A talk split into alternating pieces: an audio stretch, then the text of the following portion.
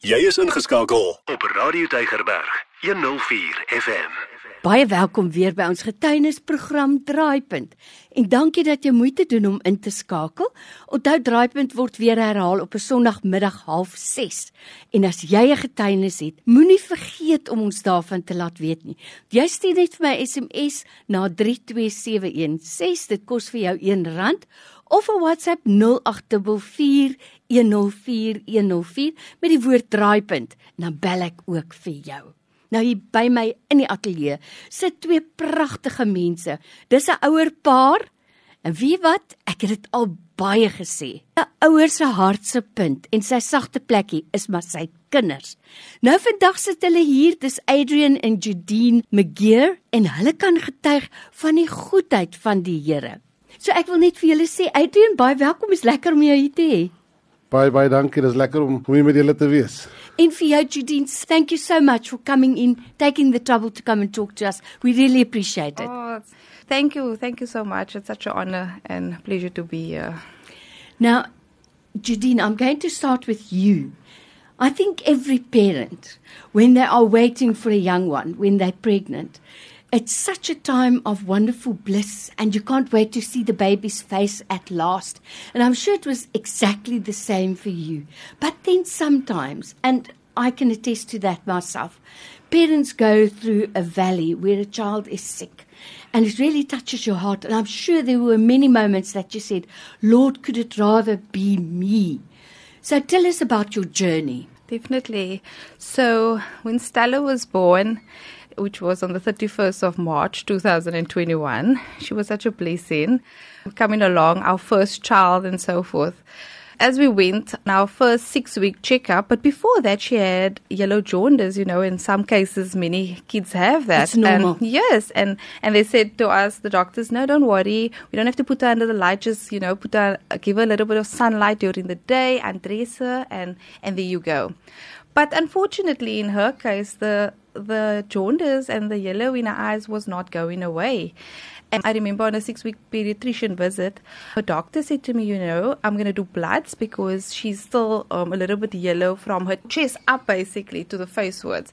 And then that afternoon, driving home, driving home from from the pediatrician, she called immediately back and she said to me, "You know, there's something wrong with her liver. It's Oh, wow. abnormal. The functions are abnormal, and we need to admit her as soon as possible." And that was on a Friday, and the Monday she was admitted.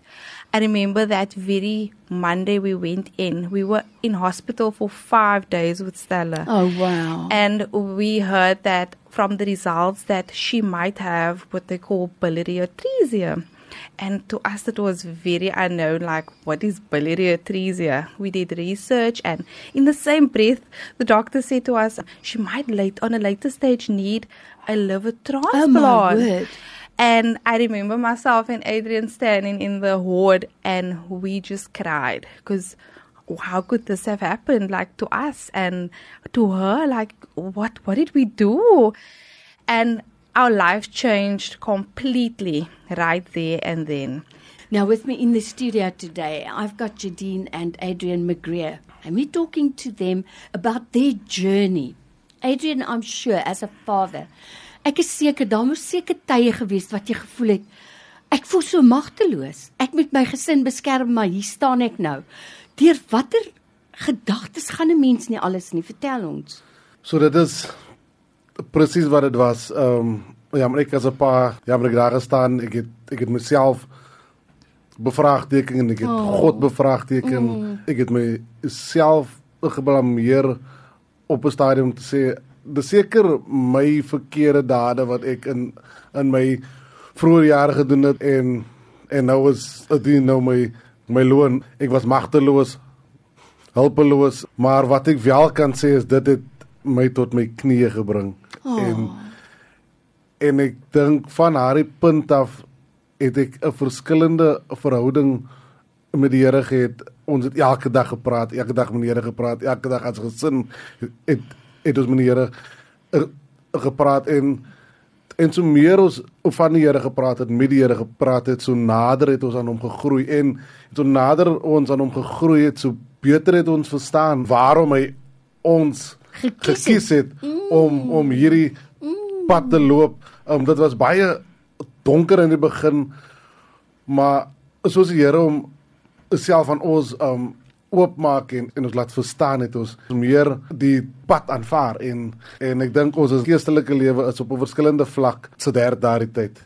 Judine, what a wonderful testimony that alone is. Definitely. And sometimes one would almost think, Lord, if I have to go through all of this again to get closer to you, I would do that. It's something that I can understand personally.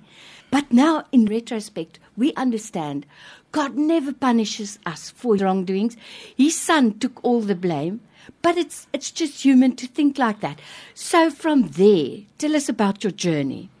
So from there, basically, especially with our our faith, our faith journey, basically, um, you know, even going for the transplant itself, every step of the way there was a hurdle, but in every aspect, God provided Praise God. when it came to us having to pack up, we, we just heard the news that we can go to Joburg, and that was in, um, I remember, on the 17th of March 2022.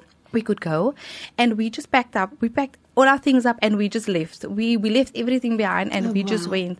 Myself, I wasn't a donor because the two of us we weren't compatible because of our blood types as well. But Adrian was. But unfortunately, your BMI needs to be everything needs to be accordingly, and with Adrian, the blood was okay, but unfortunately, he had to lose some weight also. That was a journey as well because he we were so we were 43 days in the normal transplant ward and in that time adrian basically went on a diet started eating properly running around the hospital doing laps trying to to get fit and so forth. And he managed. And i remember it was a week before the transplant which was on the 28th of april. A week before and we had to go for a liver biopsy because one of the professors didn't want him to go but eventually he gave the go ahead. And adrian kept on telling me you know what? I'm going to be the donor. I'm going to be the donor and i said to him if it's god's will it will be so and beware and behold the results came back and he was a perfect perfect Wow. match for stella yeah Is dit nie wonderlik nie, Adrian? Jy word te bevind as 'n geskikte skenker. Dit moes so 'n eureka oomblik gewees het. En toe kom nou die operasie.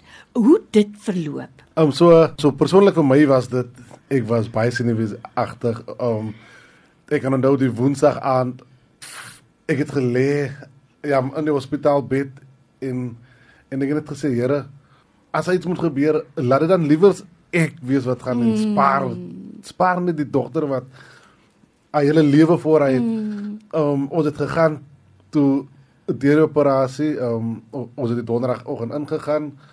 My vrou Jodien het my nog ingeneem en hulle dan aan my begin werk en net na hulle aan my begin werk het het hulle vir Stella ingeneem en het en hulle dan haar gewerk. Seker so 1 uur 2 uur die middag het ek wakker geword en in die kamer reg oor kan my madale Stellaatjie en Oh. en toe hoor ek dit was 'n sukses. Toe ons dink dit was 'n sukses het Stella weer gerelapse. Ons het haar verloor. Oh my word, Judine, what goes through a parent's mind then? Oh, I was I was shattered.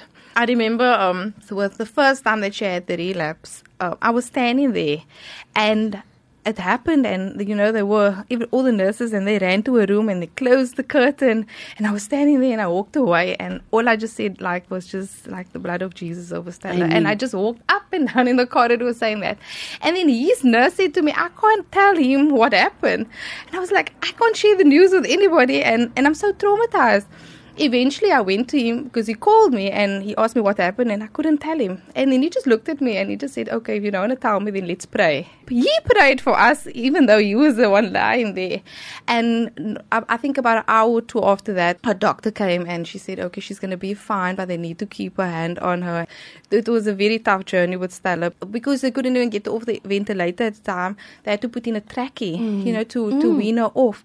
But you know, after we left Joburg, her doctors, her like all of them, they just said it was none of them. This was this is this that's their miracle baby. They check it they check in on her all the time. They love her to bits. This is such a wonderful miracle story. It just brings us back to the fact that God is good all the time and we must seek his face in good times and in bad. Nou Adrian, jy het verstellaatjie by die huis. Vertel net vir ons luisteraars, hoe oud is hy nou en hoe gaan dit met hulle en hoe gaan dit met jou? Het jy gewig afgehou? Ons gaan later van die gewig praat. Um, maar ja, Marcella is nou 2 jaar oud, die mees gesonde kind wat ons die ken. Sy is baie stout. Um, maar en sy verbaas ons nog steeds elke dag. Een ding wat die dokters vir vir ons gevra het, wat het julle verskillend gedoen van hulle? Nog nooit ouers gesien? Loop met 'n smile elke dag en is alright en ons bid elke dag net. En al wat ons wel gesê het ons lees die Bybel bid en vertrou You know what testimony that is. So your life is a testimony. The life of Stella is a testimony. And so often I think I just wish and hope that you guys will also write a book about this because it will give hope and meaning to so many other parents. Dis Judine en Adrian Magreer wat hier by my in die ateljee is vandag. Ek wil vir julle sê dankie dat julle tyd gemaak het om te kom kuier en dat julle hierdie wonderlike verhaal met ons kom deel het. Mag die Here julle seën. En ek wil sommer 'n gebed doen. Ons Vader wat in die hemel is, aan U behoort die koninkryk en die krag en die heerlikheid tot in alle ewigheid. Here, ek wil bid vir hierdie wonderlike gesin dat U hulle sal behoed en bewaar op hierdie aarde en in die ewigheid hierna dat U vir hulle as dit U wil is nog 'n groter gesin gaan maak behoed en bewaar hulle van rampe en gevare en van siektes. En ons vra dit alles in die wonderlike naam van Jesus. Amen. Amen. Elke dag jou nommer 1 keuse. Radio Deugerberg 104 FM.